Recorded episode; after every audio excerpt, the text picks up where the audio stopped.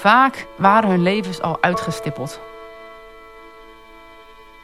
Met een beoogde opleiding, beroep of huwelijkspartner. Een paar jaar later word ik uitgehuwelijkd. Die willen dat ik het leger inga.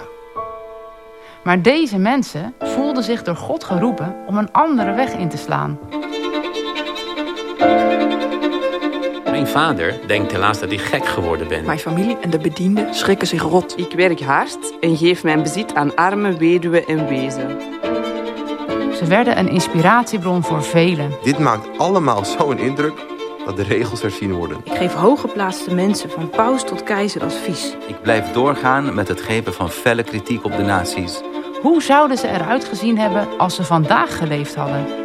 En hoe zouden ze geklonken hebben?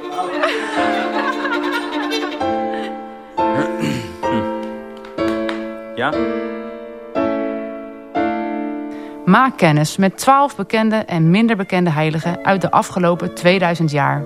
Met bekende en onbekende gezichten en stemmen vertellen zij in deze expositie hun levensverhaal in trui en spijkerbroek.